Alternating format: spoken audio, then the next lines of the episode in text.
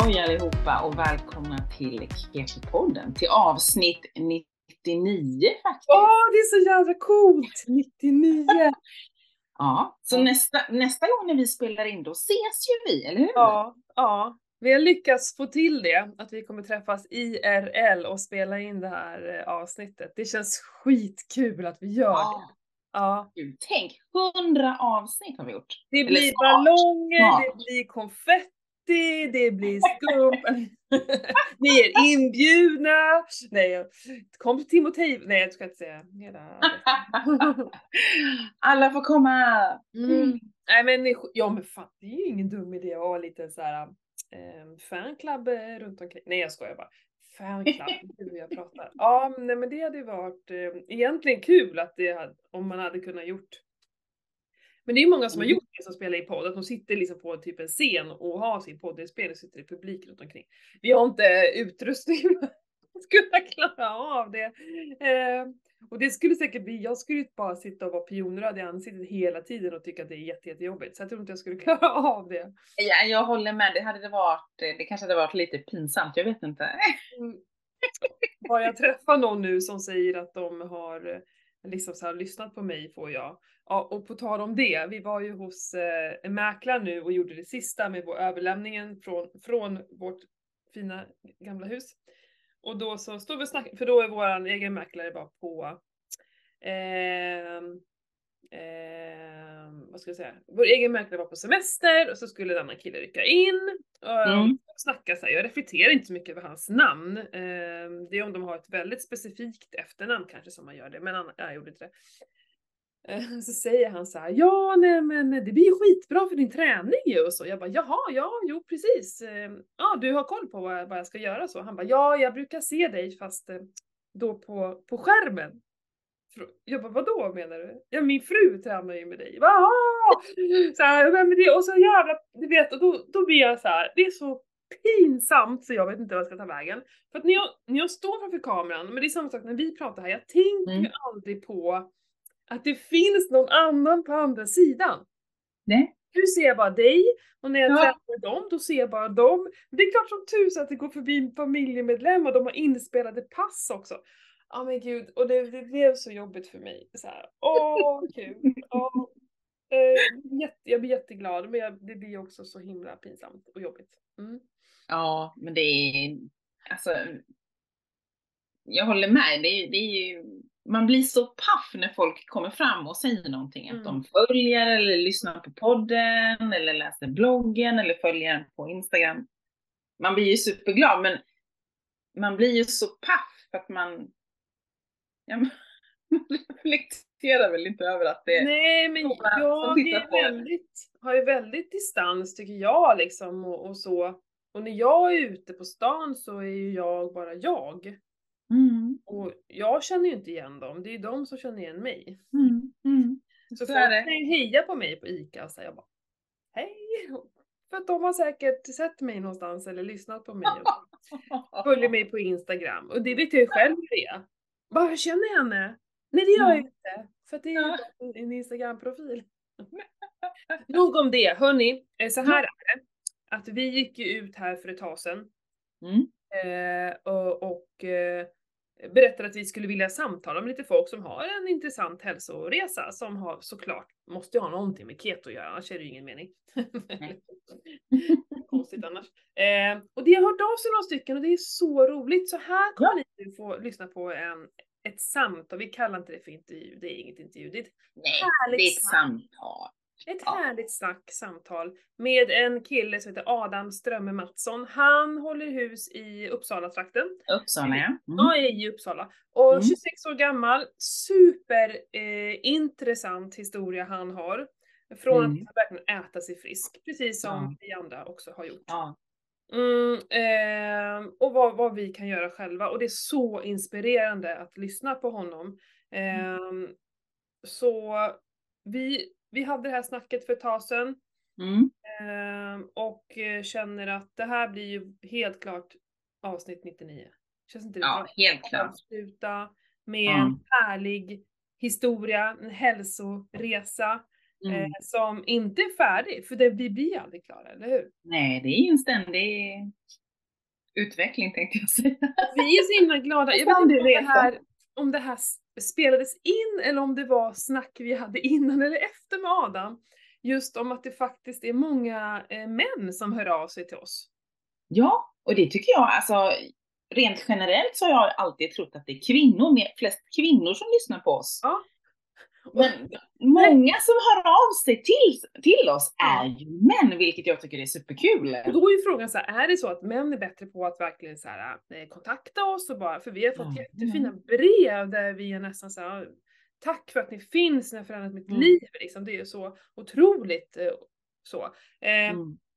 Så att vi, det, vi kanske inte är främst för, för män, det är de som hör av sig. Men Adam blev förvånad när vi sa det. Han bara, jaha, är det? Precis som att eh, för han var det inte alls märkligt. Men när vi pratar ju ganska mycket klimakteriebesvär. Ja, jag tänker också det.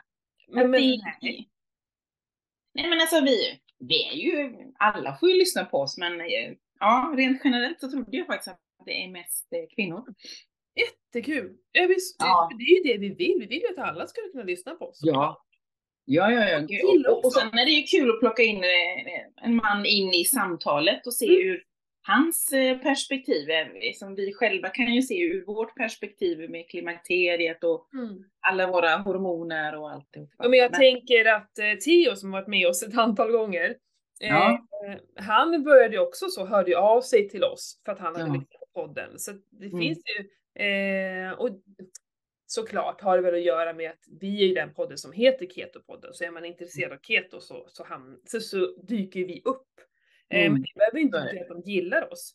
Men han säger också det, att jag gillar ert snack, att ni bara sitter och snackar eh, Ja. om det som är i livet just nu. Mm, mm. Mm, så att eh, de som verkligen följer oss och gillar oss, de, de, de tycker att det här är det som är bra. Och vi, Ja. För vi har gått och funderat ju. Men vi slutar fundera ja. Vi kör vårt race helt enkelt tycker jag. Ja, och nästa avsnitt kanske blir jättelångt för att jag har så mycket grejer som jag behöver ta upp med, med, med jag behöver rensa luften lite på saker som Ja.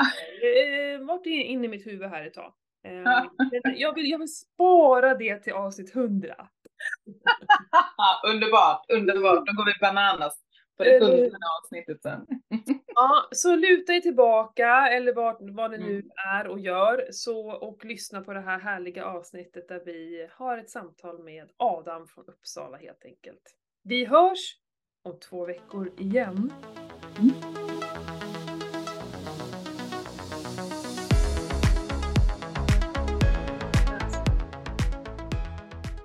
Välkommen till Keto-podden Adam! Tusen tack! Superkul att vara här. Ja, jättekul att, vara, att du kom hit. Eh, du skickade ju ett eh, meddelande till mig via Instagram Mm. eh, att eh, du lyssnar på podden och sen så hade vi i avsnitt, nu kommer jag inte ihåg vilket nummer, men med, Medvetna val hette ju det Ja, avsnittet. 97 eller 95 eller något sånt va? Ja, ehm, och då hade vi lite, lite gått ut och, och nästan så här frågat om det fanns lite folk som ville dela sin historia med oss. Mm. Och då hörde du av dig Adam. Skitkul! Ja, men det var en ren chansning. Ja. Nej men och det, jag ska säga det att det är några stycken som har hört av sig så vi har några eh, fler inplanerade sådana här samtal så det känns ju superkul. Och just nu under sommaren tänker jag det kan få Mm. bli en liten sån här eh, sommar... Eh, Special. samtals, ja, sommarspecial. Men berätta Adam, hur länge har du lyssnat på Keto-podden? Oj! Bra fråga. Jag har lyssnat på så här olika matpoddar i typ, ja, men, kanske fem år eller någonting. Jag vet inte när jag hittade er. Det var nog lite senare faktiskt. Det var nog kanske bara tre, två år sedan eller något sånt. Hur länge har ni hållit på egentligen? Oj. Ja, ja, det är längre än så. Ja, nej, det är inte så mycket Nej, längre det är så. nog Har vi tre, tre, fyra år sedan. Ja, Okej. antingen tre eller fyra år. Gud, jag minns inte. Nej. Sån koll har vi. Vi räknar avsnitten just nu i alla fall. Det är bra gjort. Jag tror det är fyra år Pernilla om jag ska vara ärlig. Det blir fyra år i sommar tror jag. Mm. Ja, i oktober, i oktober vet jag Ja. att vi fyller år i alla fall. Vi fyller ja, precis. Ja, vi fyller år då. Ja, men vad, är det för, vad var det för eh, liksom, eh, matpoddar? Var det också om liksom, eh, ja, men lågkolhydratskost eller vad var det för poddar? Ja, alltså men, eller ma, både mat och så liksom olika så här hälsoinfluenser. Jag började lyssna på eh, Martina väldigt mycket, Mm. Johansson. Mm. Eh, det var, typ- ja, hon var den första, hennes den här biohacking-podden. Mm. Eh, det var den första jag började lyssna på. Det tyckte jag var skitintressant. Liksom. Mm. Och sen så gick jag vidare därifrån. Liksom. Mm. Ja, men eh, vem, vem, är, eh, vem är Adam då? Alltså så här, dagens Adam, innan vi sätter igång och går igenom din hälsoresa, så här, vem är du? Berätta lite snabbt. Ja, eh, jag är 26 år och eh, eh, doktorerar just nu i elektricitetslära. Mhm. Eh, och eh, ja, och jag är sjukt intresserad av ja, men mat och liksom hälsa och liksom hur det påverkar kroppen. Att man kan, faktiskt kan märka skillnad och eh, så. Mm. tycker jag är riktigt coolt liksom. Var bor du i vårt avlånga land? Ja, men jag bor i Uppsala. Okej. Mm. Jaha, där är jag ju född och uppväxt. Jaha. Norra, men- norra Årsta kommer jag ifrån. okej. Ja, jag, jag bor i Luthagen. Ja, okej. Mm. Ja, vad spännande. Så eh, hur länge har liksom hälsa och mat varit ett stort intresse för dig?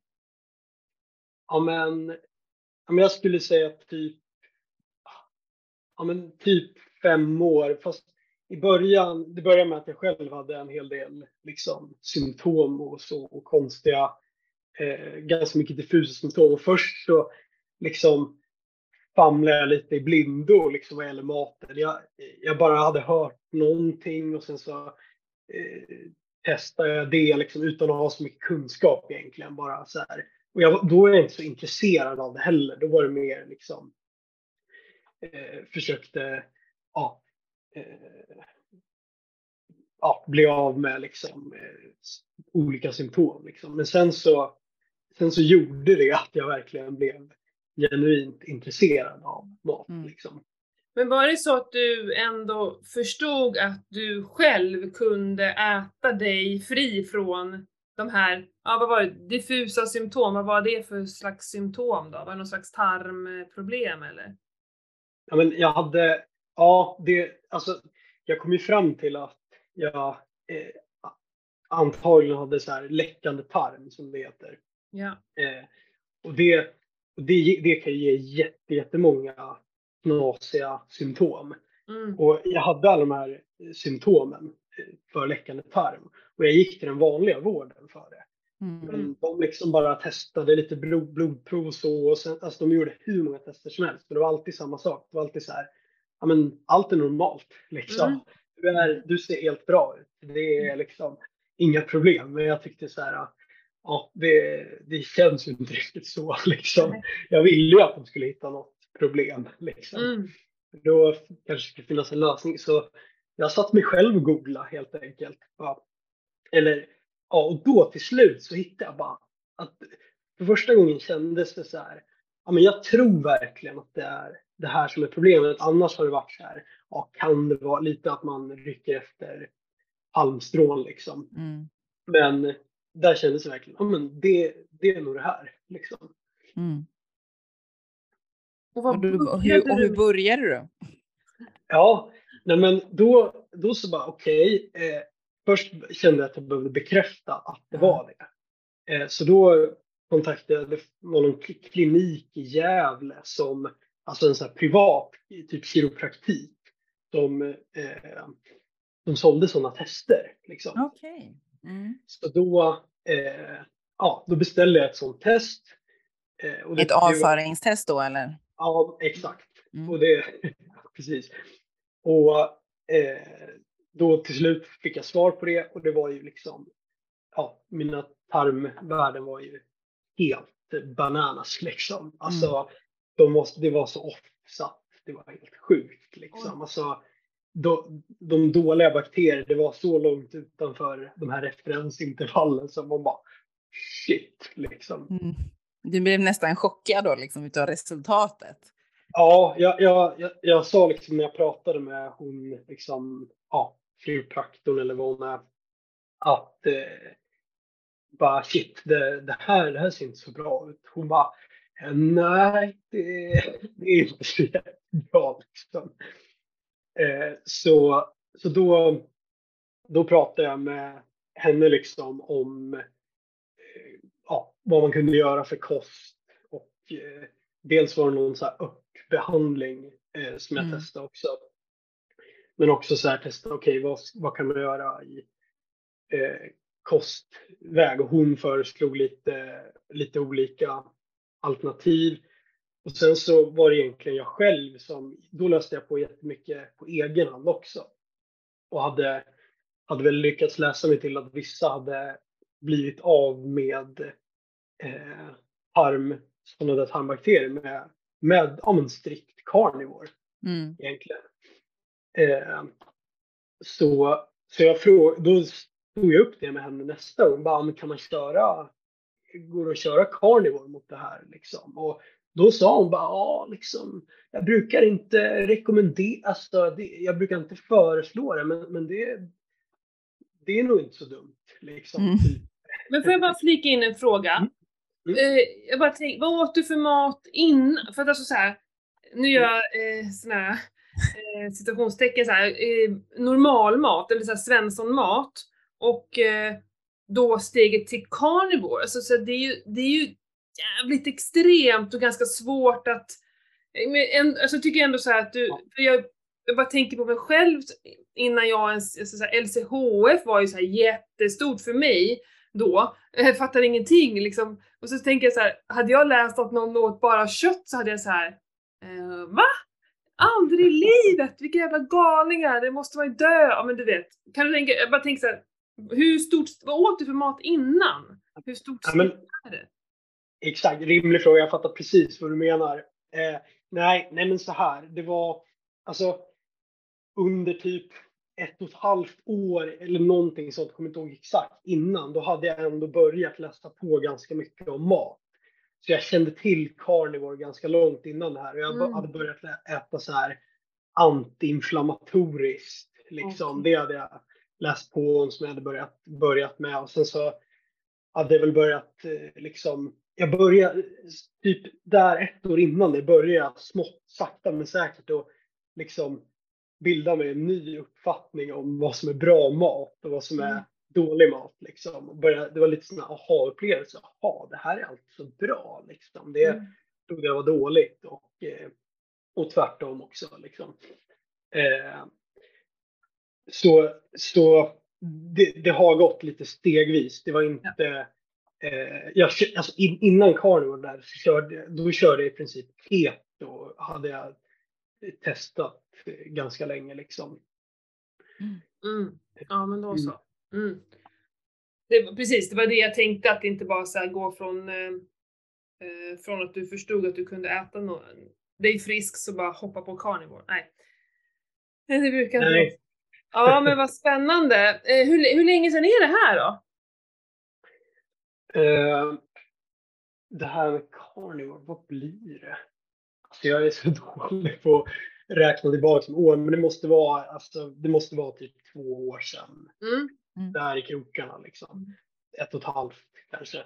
Mm. Eh, för, men då, då så, börj, då så liksom rivstartade jag den här carnivore-perioden med en ganska lång fasta på typ drygt tre dygn. Och sen så, eh, så bara för att så här, okej nu, nu börjar något annorlunda här liksom. Mm. Och sen så körde jag ja, men, riktigt strikt carnivore i två månader.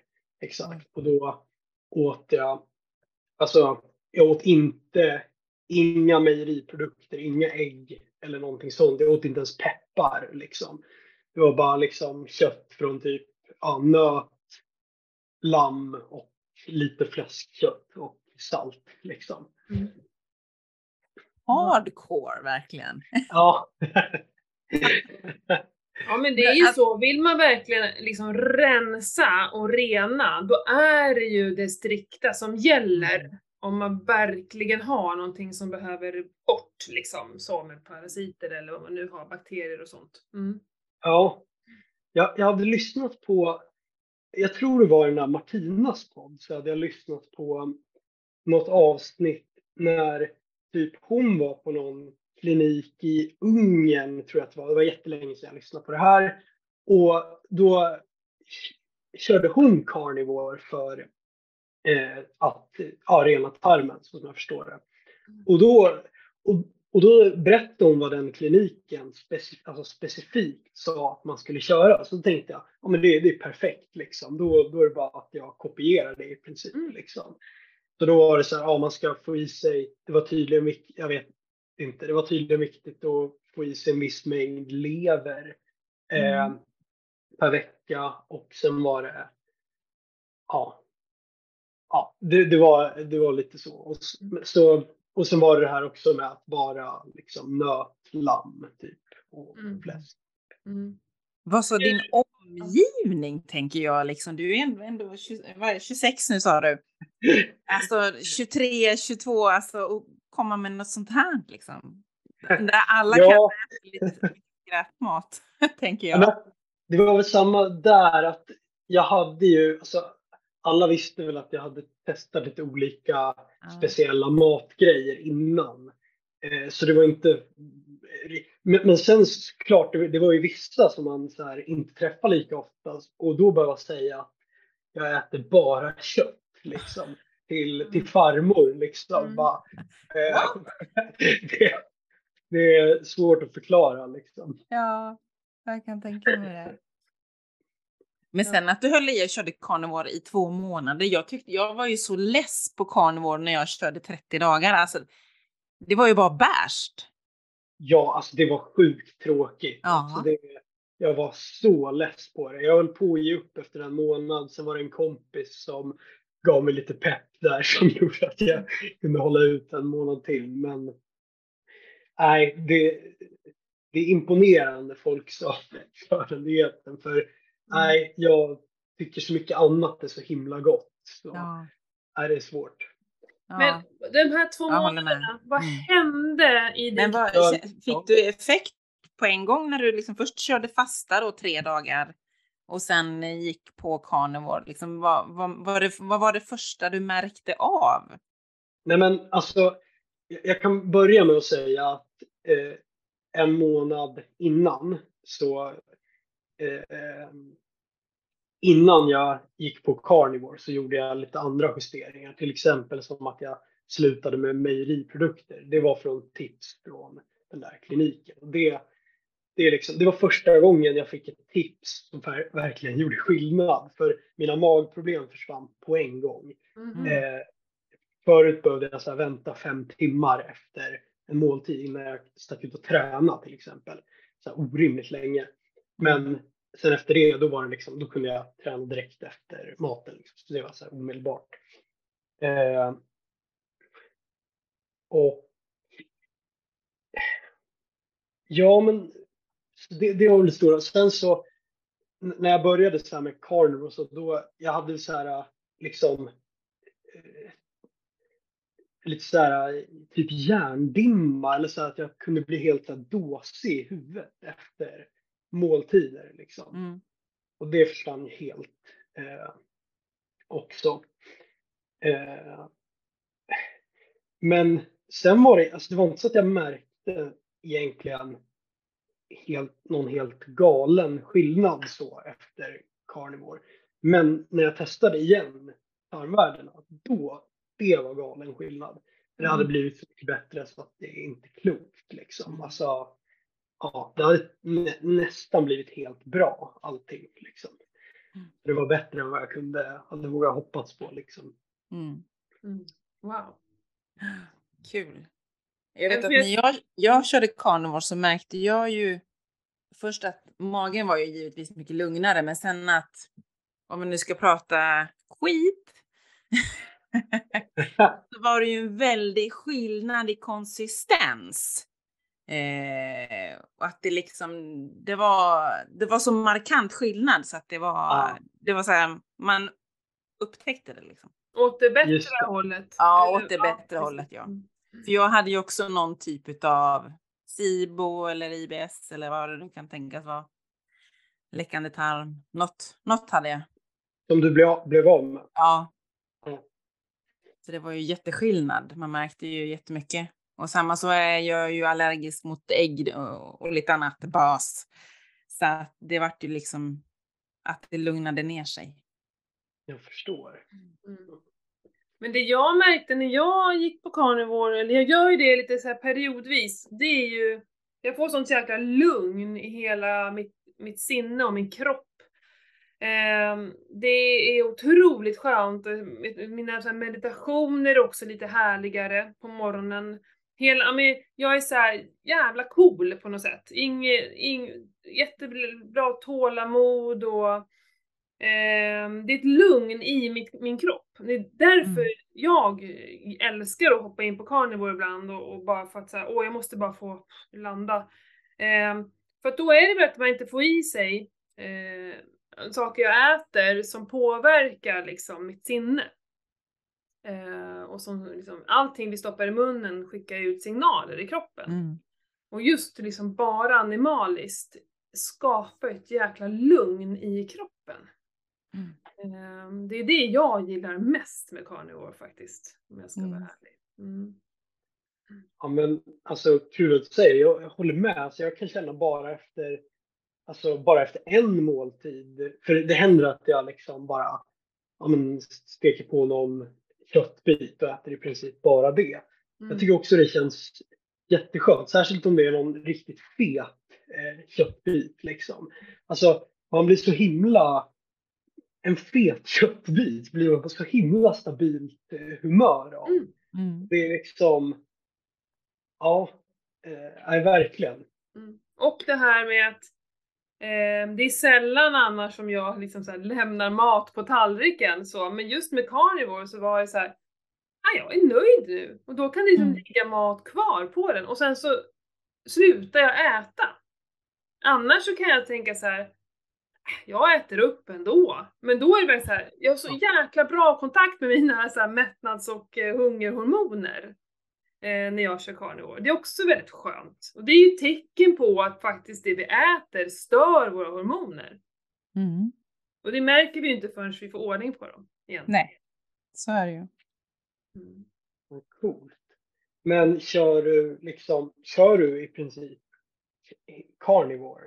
Alltså jag lever nog 80-90% eh, carnivore jämt nu. Jag äter nästan inga grönsaker faktiskt. Eh, däremot käkar jag majonnäs, eh, eh, lite fårost, jag gillar fårost. Eh, jag äter inte ko alls. Eh, ja. ja, jag älskar kött. Det, jag mår som bäst av kött faktiskt. Så. Ja. Nej men som nu på midsommar när det blev liksom lite allt möjligt. Eh, jag är bakis i två dygn efteråt. Alltså mm. matbakis. Mm. Det tar skitlång tid innan den eh, återhämtar sig. Så. Eh, mm. Mm. Det är intressant. Ja. Mm. Bakis på ett annat sätt. Ja, men verkligen. Det är liksom, eh, ja. Svårt att träna och Eh, det skapar ju också sug och sånt där som jag mm. annars inte har på samma sätt.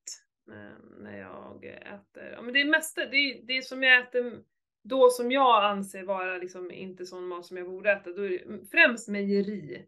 Det blir lite vanliga ostar och lite så här. ja men det var ju väl sillar med crème fraîche i säkert och ja. gräddfil och, ja gräddfil var det ju också i sån här matchisill låda och, eh, och det är på, så här, mjölkprodukter påverkar mig jättemycket. Så. Um. Ja. Spännande. Det här med att, eh, alltså det här med att, det, det tänkte jag på när du sa det, alltså det här med att överäta på, jag, jag, gör näst, jag gör inte heller det när jag äter liksom keto. Alltså när jag äter, när jag inte äter kolhydrater, då blir det också så här att man så här helt plötsligt känner sig nöjd. Mm. Så är det aldrig med, alltså annars om, alltså jag kör egentligen inte så här strikt keto nu. Jag, jag äter väldigt så här rent och liksom försöker, jag äter ingen processad mat alls så, men och ibland kör jag keto, men jag kör inte alltid superstrikt keto. Men när jag inte gör det, det då, alltså jag kan ju äta hur mycket som helst. Liksom. Det är faktiskt sant. Det är sant. Och det räcker med grönsaker då. Mm. För att man ska överäta. Ja, för att det är så lätt att bara äta mer av grönsaker. Ja men grönsaker är ju nästan bara kolhydrater, även om det är lite kolhydrater i grönsaker. Mm. Så är Ja. det ändå så här. För så här, ja men en sallad, man kan bara sitta och käka liksom. Ehm, Det mättar ju inte. nej men du märker, men det, det, är så här, alltså, det är så jäkla roligt. Jag, jag brukar liksom också titta på min, för det kan ju låta så extremt att bara äta kött och så här 300 gram kött. Men 300 gram kött, det är ju jättelite på en tallrik.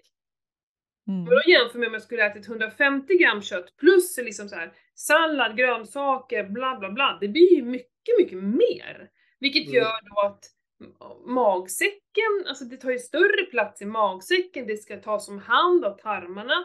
Det kanske ni också märkte när ni körde carnivore, att toalettbesöken, det blir ju färre gånger man behöver Ja. göra två liksom. För det finns Mm. inte lika mycket att bearbeta.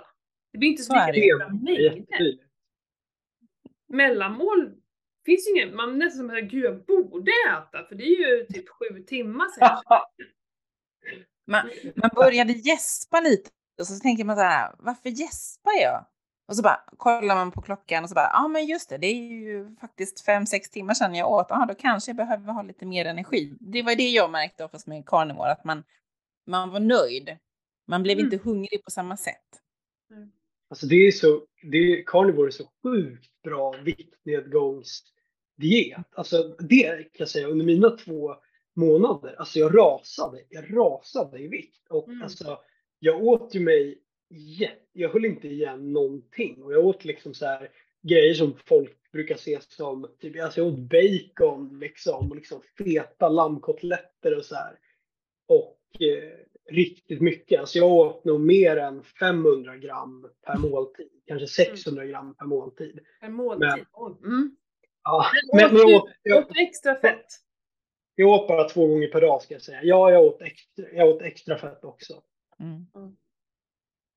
Ehm, Ja, men, men det är ju fascinerande. Men grejen är att första gången jag körde det gick jag också ner ganska mycket i vikt.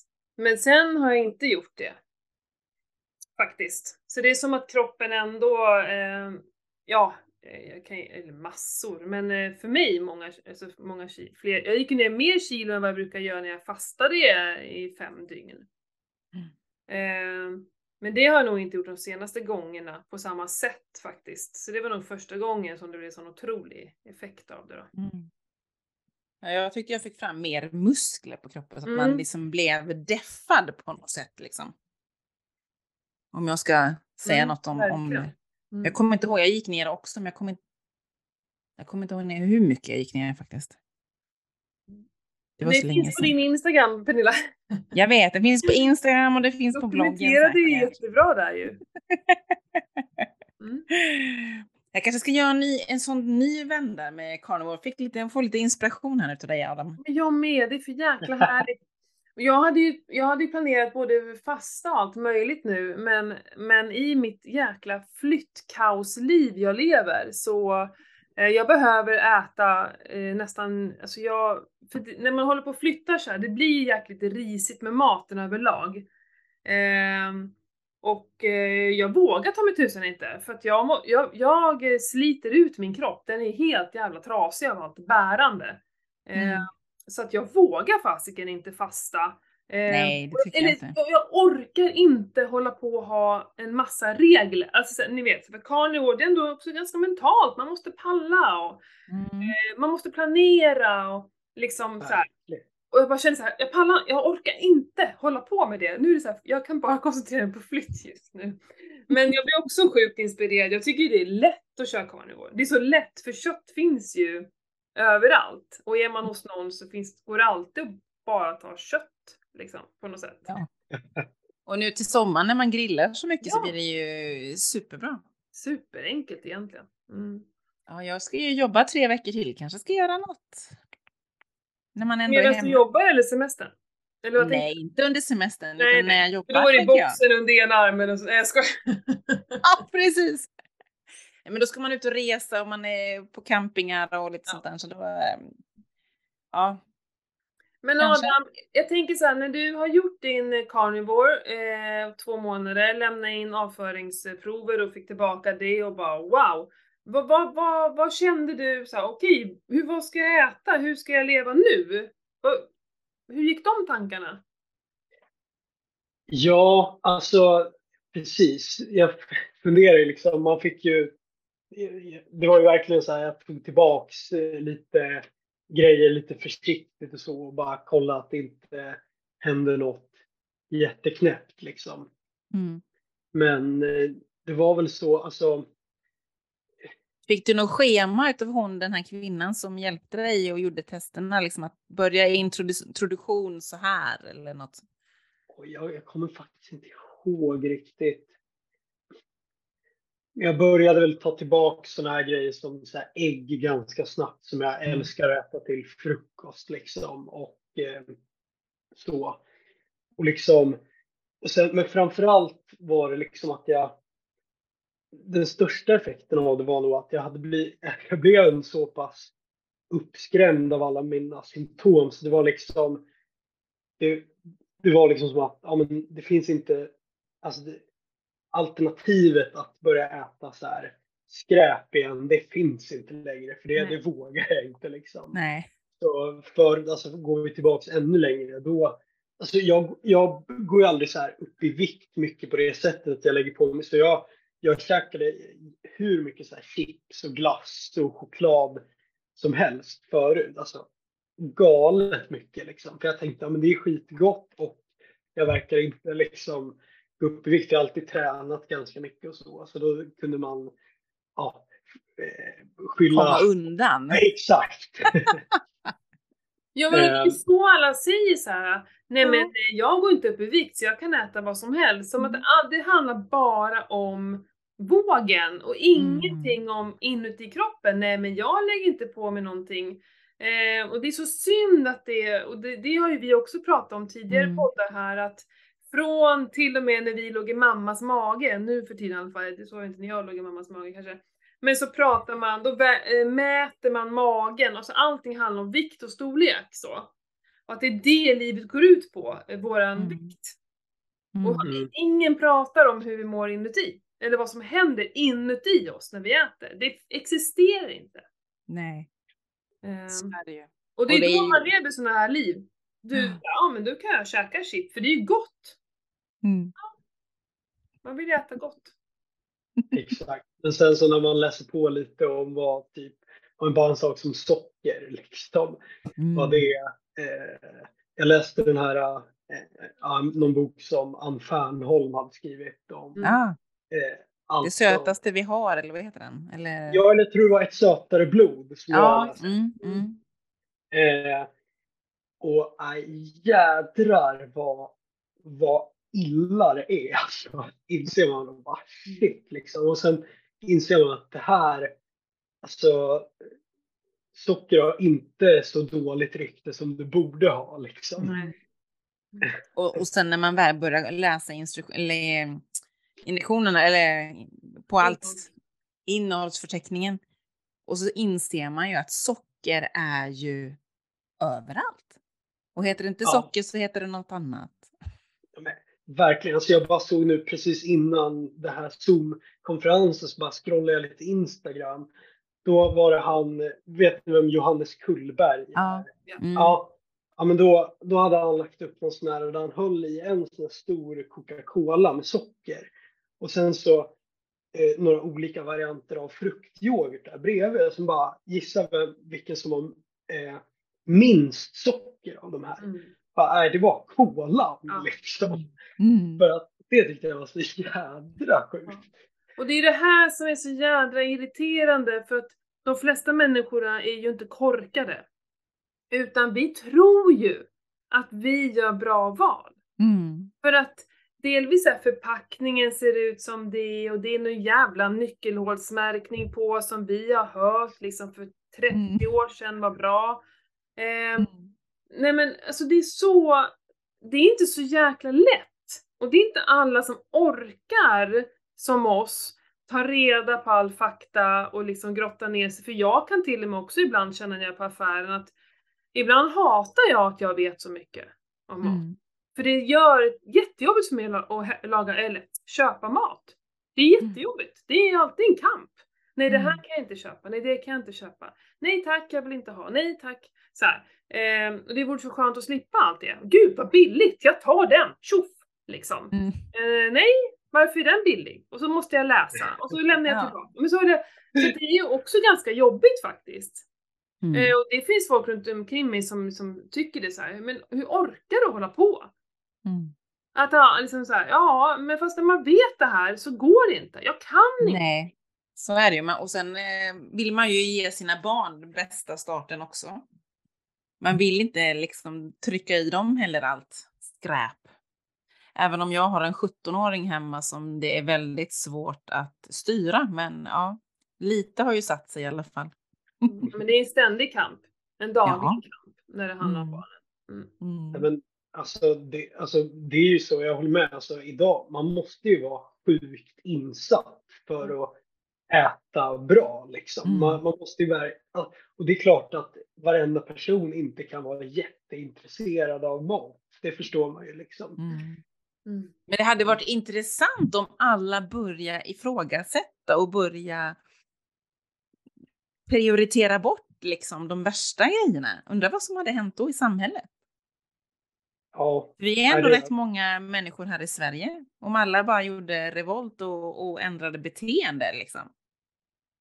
Coolt. Eller om vi, vi tre kan eh, se till att bli anställda av Livsmedelsverket och så just Ja. sätter vi nya kostråd. ja, ja. Fy fan. Det här måste vi också prata om, de här jädra nya kostråden som man bara... Är, är det några nya kostråd som Ja, de kom ju ut förra veckan var det va? Oj, det har jag missat. Du har missat det? Men Ja, men det jag har levt ett annat liv tänkte jag Ät säga. mindre kött, ät mer band. Ja, men det läste jag. Jag blev bara Mm. förbannad och, och slängde det. Ja men alltså, jag blir, men det är så här, allting vi kämpar med här, för då, det var tio Mm. år sedan de satte de här gamla då kostråden, så nu, nu är det nytt. Det är tio år sedan ändå. Jag tycker att vi har, borde ha lärt oss så mycket på tio år.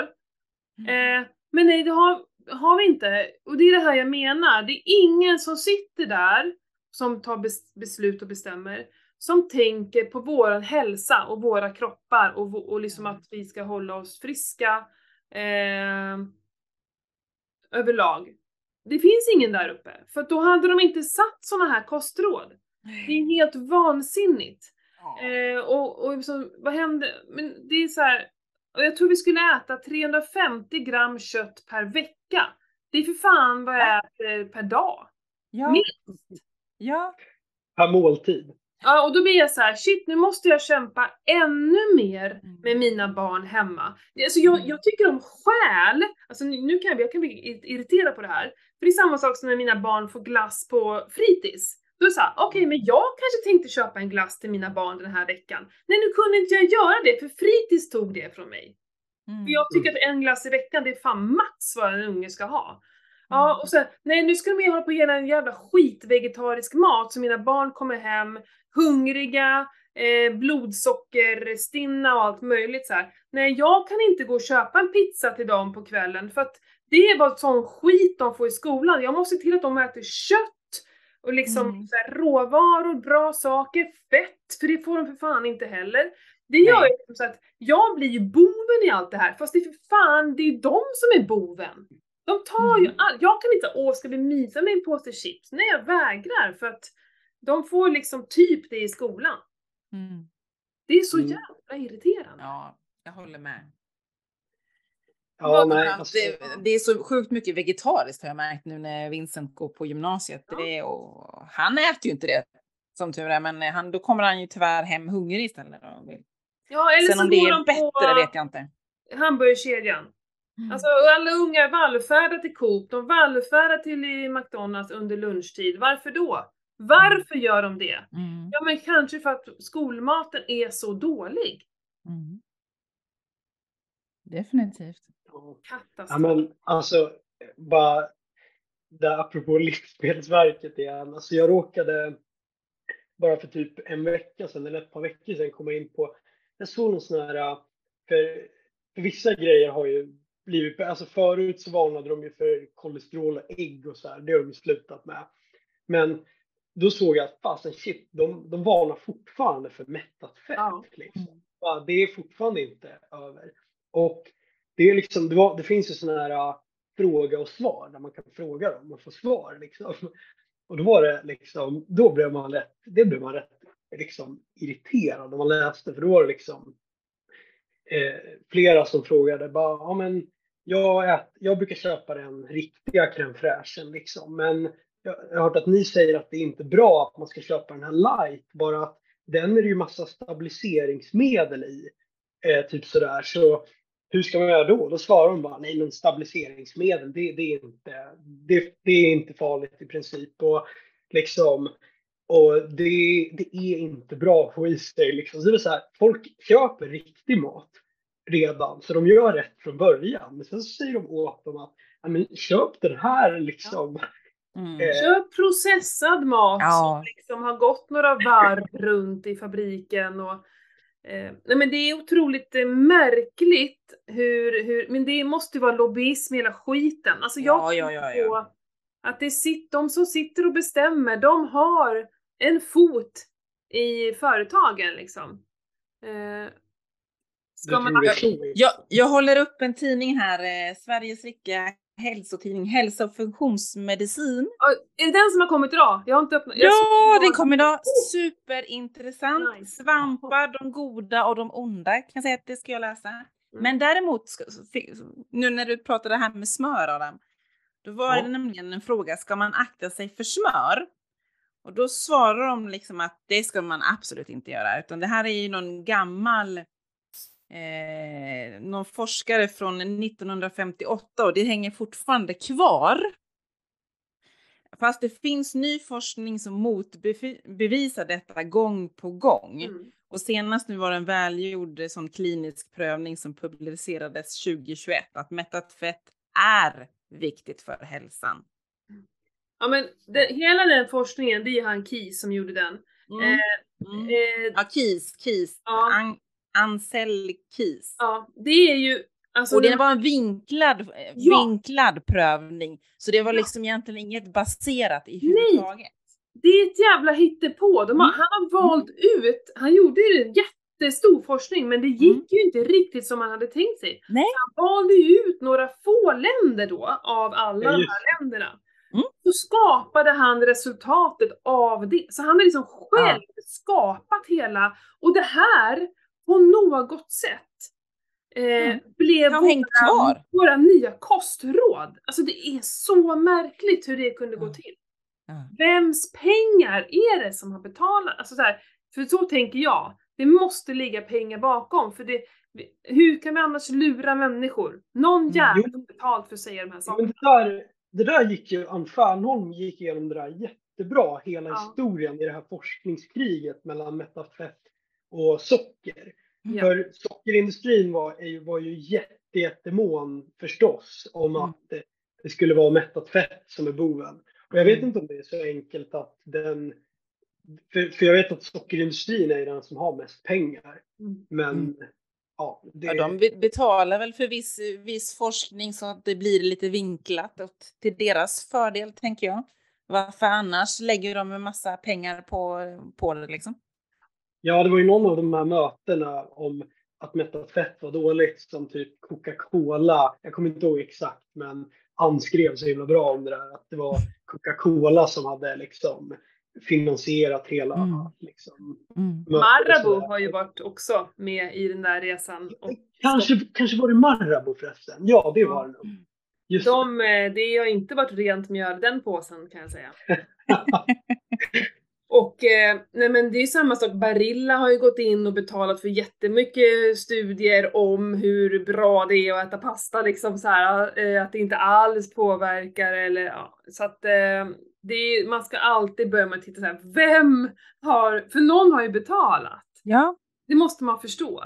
Vem har betalat för den här forskningen? Eller den här studien? Mm. Eh, och då kan man direkt dra liksom, för att det är också det, jag kommer inte ihåg vilken bok jag läste om det, att i ett forsk jag tror det kanske är Martina som har sagt det, alltså när man har ett forskningsresultat du kan ju vinkla det på så, man kan ju räkna på olika sätt så att alla de, sidor kan faktiskt vinna. eh, Om man säger så. Mm. Beroende på hur man räknar. Och vi vet ju inte Nej. exakt vad det betyder när de säger så här. Eh, ja, så här många procent mer. Ja, då måste man liksom kunna veta hur man granskar sånt här för att faktiskt Förstår det. Mm. och det är så jävla taskigt. För det är jättemånga människor som bara utgår, ja finns det forskning på det? Finns det Mm. siffror på det? Så här, eh, ja, nej. Och då är det ju sjukt svårt eftersom det finns så himla mycket åt alla möjliga olika håll. Så det är ju Mm. det är inte lätt. Men jag Nej, tänker det. bara som att eh, jag har ju också ätit mig frisk. Eh, så att jag menar för mig är det så här, jag behöver ingen forskning på det. Nej. Jag var sjuk när jag åt det där och jag är frisk när jag äter det här. Liksom det kan inte vara fel. Ja, du kommer dö tidigt. Ja, men då har jag fan varit frisk ändå fram tills dess, känner jag. Mm. Istället för att vara sjuk. Jag kommer ju ändå dö av det till slut, tänker jag. Man kan ju inte vara sjuk hur länge som helst heller. Nej. Att jag vet inte vad det är för forskningsbevis jag behöver ha. Nej. Nej. Det är ja, är det, är som, det är som när jag pratar med folk, liksom, att eh, ja, men det här är ju det jag har upplevt och, och den, det här är effekten som jag har fått. Det kan de ju aldrig ta ifrån en, även om de slänger sig. Finns det något vetenskapligt? Ja, jag. Jag är vetenskap. Ja, men alltså jag, jag har, har ju liksom, jag vet hur jag mådde innan och jag kände vad, vad som händer Mm. och hur jag mår nu. Alltså, det kan ju aldrig någon ta ifrån mig, även om visst, du kan ju slänga med allt möjligt liksom. Mm. Men eh, nej. Men igen om det här med de här kostråden om att vi skulle äta mindre kött och så, de använder ju hela tiden det här med miljöaspekten. Mm. Eh, så. Ehm, och, och bara det är ju helt vansinnigt hur liksom kossan kan bli vår största miljöbov. Det är ju helt sjukt liksom. Ja, det tycker jag också är lite knäppt. När, när vi vad är det lite till? Liksom. Eh, Det säkert men- någon som kom på det. Mm, men det är ju också så att det, vi, vi, vi glömmer bort att det mest näringsrika och täta vi kan äta är verkligen kött. Och Mm. jag träffar så, så många vegetarianer och, eller före detta ska jag säga, vegetarianer och veganer. Som liksom efter, ja vid första åren, de mår skitbra. Oftast är det för att de har slutat äta massa jävla skit, riktigt skit. Och Ja, gått över till eh, att käka ve- vegetariskt och så. Och man blir ju frisk av att ta bort skiten egentligen. Så. Mm. Och så kan de ju hålla på så här, det tar några år. Det är ju så här alltid, det tar några år innan smällen kommer. Eh, men som har varit tvungen att börja äta kött, kött igen för de har såna näringsbrister. Mm. För de mår så otroligt dåligt. Mm. Eh, och det, det här är ingen som pratar om för vi vågar inte. För det är så fult att äta kött liksom. Mm. Det är inne att vara lite vegetarian. Ja, åh, vi är så medmänskliga liksom och hela den biten. Filantroper och bara. Eh, Mm. Men jag, alltså, åh, ska man döda för att äta? Bara, ja, men vi är ju också ett djur. Mm. Vi, vi, vi tror att vi är några jävla övermänniskor som inte behöver leva eh, liksom, eh, ja men, efter vad, hur våra kroppar är designade. Utan att vi är några jävla maskiner. Och som bara så ja kalori in. Jag håller på att läsa en jätteintressant bok nu om, om fetma och kalorier. Eh, att det är inte kalorierna som gör oss feta utan det är hormoner som gör oss feta. Mhm, mm, mm. Också superintressant. Och det enda man pratar om är kalorier. Kalorier, kalorier, kalorier, kalorier. Mm. Så är det ju. ja. Det där, alltså, det där sitter jättehårt. Även hos även mina kompisar som är sjukt kostmedvetna. De är fortfarande så här, okej, ska man gå ner i vikt då är det gäller att begränsa kalorierna. Liksom. Mm. Det där sitter verkligen benhårt i. Mm. Mm. Ja men om man kan gå ner i vikt. Problemet är ju att din kropp kommer också eh, reglera ner sin ämnesomsättning. Så att eh, du gör dig själv en otjänst.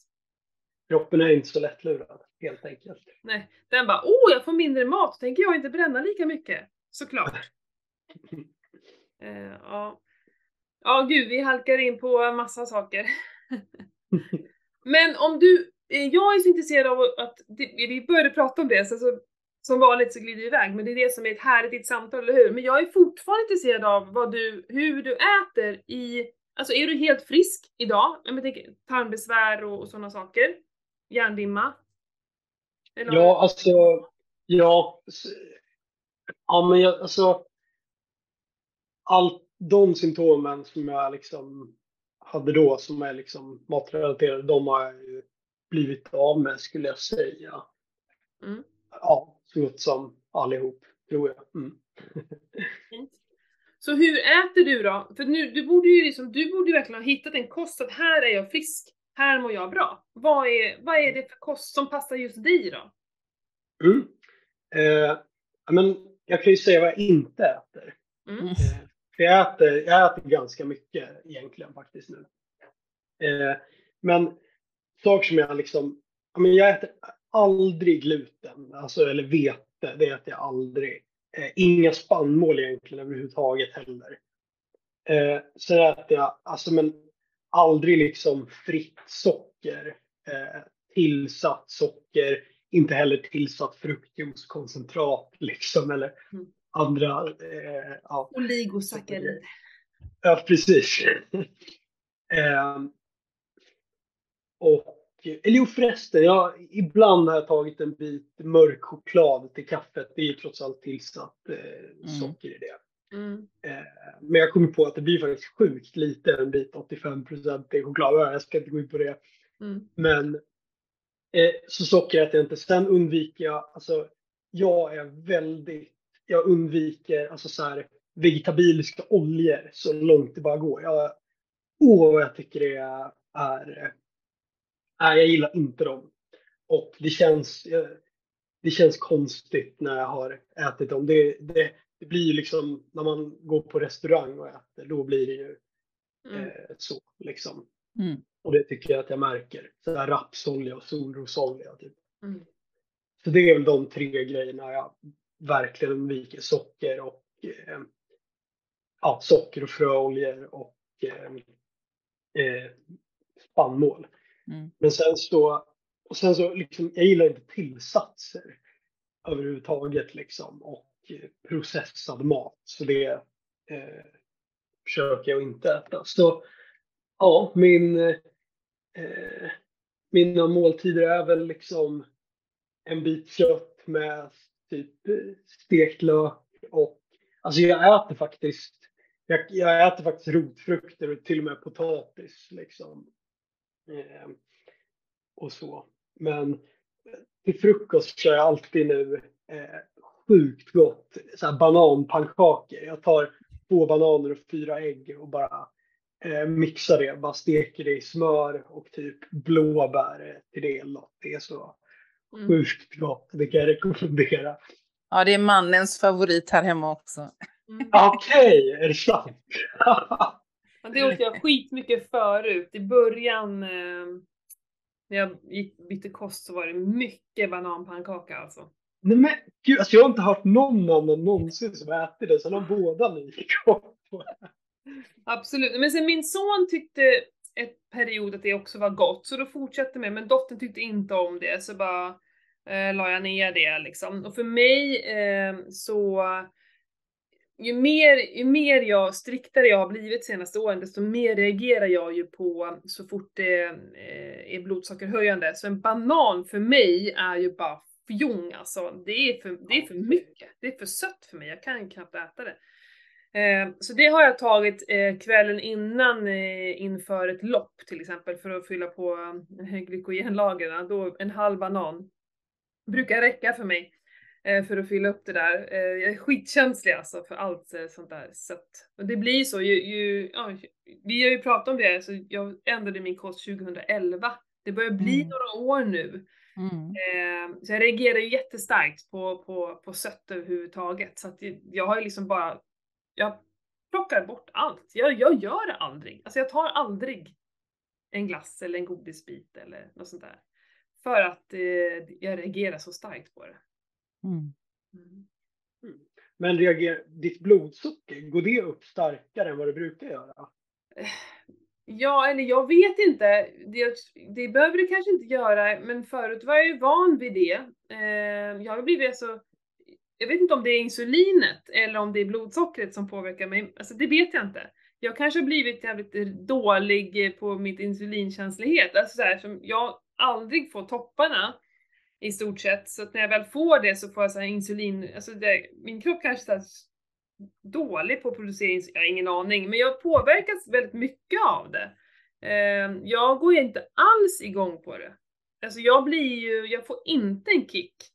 Många säger gud jag måste ha i mig något socker. För mig blir det totalt tvärtom. Jag blir ju bara helt sänkt alltså. Mm. Eh, så den funkar inte på mig. Det där med eh, socker. Då måste jag trappa upp lite. Det har jag gjort inför något så här fjälllopp som jag vet håller på så 7-8 timmar. Då kan jag så trappa upp lite innan. Eh, bara för att vänja kroppen lite med att kunna hantera, för jag tror också så här. jag är dålig på att hantera glukos. Eftersom jag är så fettdriven. Mm. Så, att jag, så att det brukar liksom behövas att man trappar upp det lite några veckor innan, att ta något litet så här, med kanske en daddel. Eller eh, någon liten eh, jordnötssmör, nej inte jordnötssmör, det är ju för fan ingen socker i. Ja men såna här äh, nötkräm, det var det jag skulle säga. Mm. Lite sådana här små saker, trappa upp så att jag kan använda sen den här snabba energin när jag är, eh, kör ett lopp till exempel. Det är jag tvungen att göra. Mm. Och skjuta tvärtom från alla andra, att vara så fettdriven att det blir konstigt så fort man äter kolhydrater. Det kan inte vara så vanligt problem.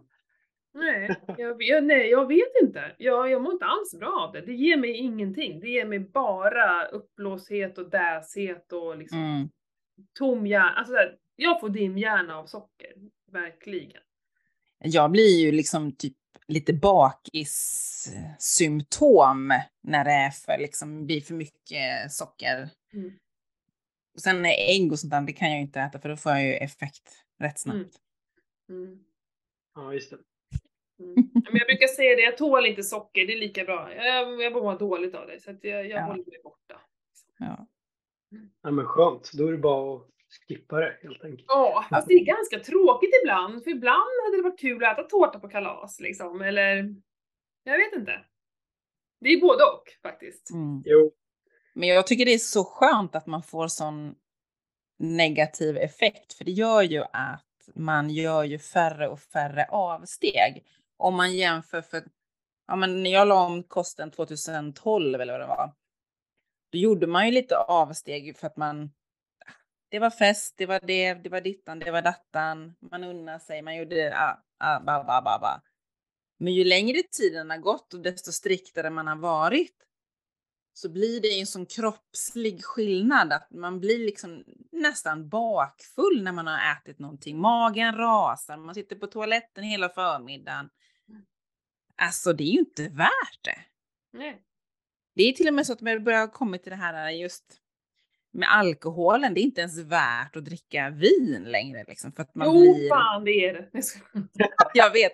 Men tanken har ändå kommit, jag har kommit till den tanken liksom att även om jag dricker ett glas vin eller två glas vin, jag sover så fruktansvärt dåligt.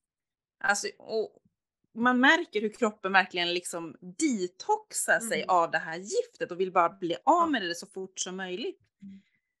Nej, det är... Ja, men mm. det jag har märkt det är ju det här, det är ju samma sak, nu dricker man för sig kaffe, men alltså jag dricker ju sällan kaffe efter klockan 12. Eh, Mm. för jag menar det påverkar ju vår nattsömn jättemycket. Mm. Och alkoholen är lite samma sak. Jag försöker dricka så här, kanske något glas vin innan maten. Mm.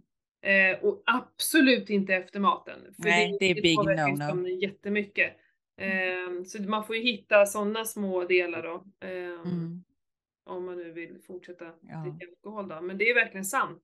Vi är mer och mer Ja. känsliga ju mer tiden och åren går. Ja, eller så har det bara att man blir äldre. Jag vet inte. Mm. alltså jag är jättekänslig mot alkohol också faktiskt. Det räcker med. Men eh, i och för sig för en vecka sedan då, eh, för vissa anledningar så vart det att vi drack en del mitt på dagen. Och då märkte jag att det var inte alls lika illa. Det, typ, det var mycket lugn. Alltså, det var inte alls lika. Ja, kroppen hinner väl förbränna det innan ja. du rör på dig på ett annat sätt än mm. när man ligger och sover. Mm. Ja, för jag. Det är så komiskt, för det tänkte jag på, för det har ju varit midsommar här. Eh, och eh, då pratade jag lite med några, att ja, men det serveras ju både snaps och öl och vin så här, till lunchen. Och bara, nej, jag, har, alltså, jag har jättesvårt att dricka mitt på dagen, det känns väldigt märkligt för mig. Jag har aldrig hållit på med det, eh, inte liksom någonsin. Eh, och bara, nej det går inte och herregud barnen är ju med och sådär. Eh, men det är de ju på middagen på kvällen också egentligen, så jag vet inte, det är ju mm. egentligen inte någon rätt bortförklaring. Men eh, men så kom jag på det sen att, fast vänta nu, det är ju skitbra, det är bättre att jag tar min snaps och ett glas vin till lunchen, för det är ju borta liksom till kvällen. Det hinner jag ju eh, få bort. Så att, eh, jag kanske ska börja dricka på lunchen Men det känns så himla märkligt att göra det. Jag vet inte, för, för mig är det så att när jag väl börjar dricka alkohol, då, ja efter det kan man ju inte träna, sen kan, då blir jag, Fast det skulle man ju kunna faktiskt göra om man väntar en sex timmar kanske. Mm. Ja, men det är som att då är dagen slut på något sätt på många andra sätt. Mm. Om man skulle börja dricka alkohol. Det är som att man checkar ut från alla Ja, jag vet inte. Jag tycker det känns konstigt att dricka vid lunch. Ja, det känns riktigt konstigt. Det känns ju då är, Ja, det känns också som jag är 25 igen då när jag gör det. Du är ju så ung Adam, du vet. Det var ju länge Herregud. Ja, ja. Härligt. Nej. Är det någonting vi eh, mer vill veta? Jag ska bara titta, jag hade lite, skriva upp lite. Ja, jag har fått med mina små ja. notiser jag hade. Är det någonting du mer du vill berätta Adam? Eh, jag vet inte, jag bara en grej tänkte, ja. där när jag körde Carnivore då, alltså en av nackdelen med mig det var att Alltså min matbudget var helt extrem eh, faktiskt. För jag, jag, beställde allt kött från så här, gröna gårdar eh, ja. också. Så här, liksom eh, gräsbetande liksom. Mm, och sen ja. äter jag ganska mycket också. Så det vart liksom, ja. Eh, det blev lite dyrare. Riktigt dyrt. Mm, mm. Ja, men jag brukar ju hävda att det inte är så dyrt att köra carnivore, men det beror ju lite på vad man eh, jag, för jag köpte så här halv kilo färs, gräsbetad färs, kostade ju 69 kronor för ett halvt kilo. Och så åt jag halva till lunch och så åt jag halva till middag. Och sen, det räckte ju för mig. Då tyckte jag så här, men vadå, 69 spänn per dag, det är ju inte så farligt. Tycker jag. Liksom. Jag vet inte vad ett, liksom ett kilo makaroner kostar med eh, någon jävla eh, korv som inte ens är kött i. Jag vet inte vad det kostar, jag vet inte, jag har inte så mycket att jämföra med, men jag tyckte såhär, nej men det är väl inte så dyrt. Men om du käkade det till, vad var det du sa, 500-600 gram på en måltid, då kan jag tänka mig, då rinner det iväg. Och mm. bara fina köttbitar på det. Mm.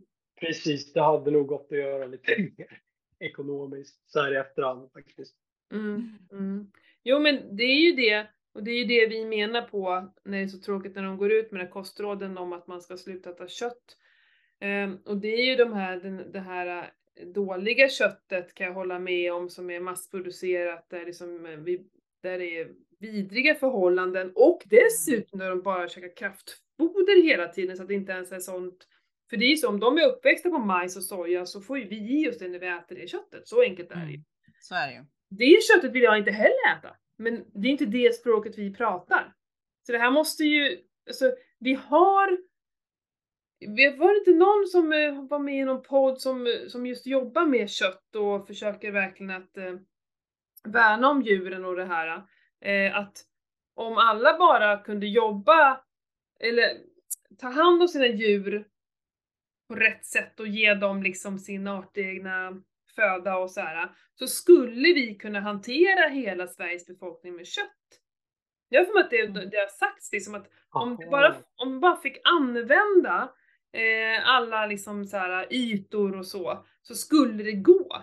Men de blir så motarbetade hela tiden och det är sån, sånt hårt tryck på dem också. Mm. Eh, och det är så mycket Eh, det är så många, det är inte jättemycket spannmål som odlas och nu är hela jävla Skåne är ju bara majs. Hela Mm. jävla Skåne är ju bara majsfält och sockerfält. det? Är skitirriterande. Men det, vi har, alltså det, det går i Sverige att liksom ta hand om det här. Men det är så många andra större liksom makter som tar över. Ja, Det är de är, säkert, de är säkert motarbetade också. Ja. Eh, nej men eh, socker och majs ska vi odla. Det är bra det. Mm. Och istället då... Mm. Och djuren går ju ändå där och betar, de bajsar och gödslar så att det liksom förnyas. För att den här, när vi odlar det här eh, liksom förädlade, även vetet är ju sjukt förädlat, det är ju majsen och allting också, är jätteförädlat. Vi utarmar ju markerna och jordarna ännu mer. Mm, Det så är är det. ekorrhjul som bara är... Inte hållbart. Nej, Nej, det är inte hållbart. Så ska vi äta mer sånt? Märkligt. ja, galet. Det där blir man rätt sur på faktiskt. Ja. Mm. Ja, jag är glad att jag bor så nära liksom djuren och uppfödning och sånt där så att det går och, och liksom det är ju inte, det är inte billigt här heller. Eh, Det är ju det är säkert Stockholms och Uppsala priser som vi också betalar. Men eh, att man vet om att det är bra, bra kött som vi Mm. äter. Mm. Yes. Bra! Nej men man kanske ska, eh, man kan ju testa carnivore men försöka tänka till lite, eh, lite, lite ekonomi. Du åt inget viltkött? Jo, det Ja. gjorde jag. Vildsvin. Jag har eh, familj som eh, jagar så vildsvin vart det en hel del av. Det äter jag fortfarande mycket. Just det! Ja.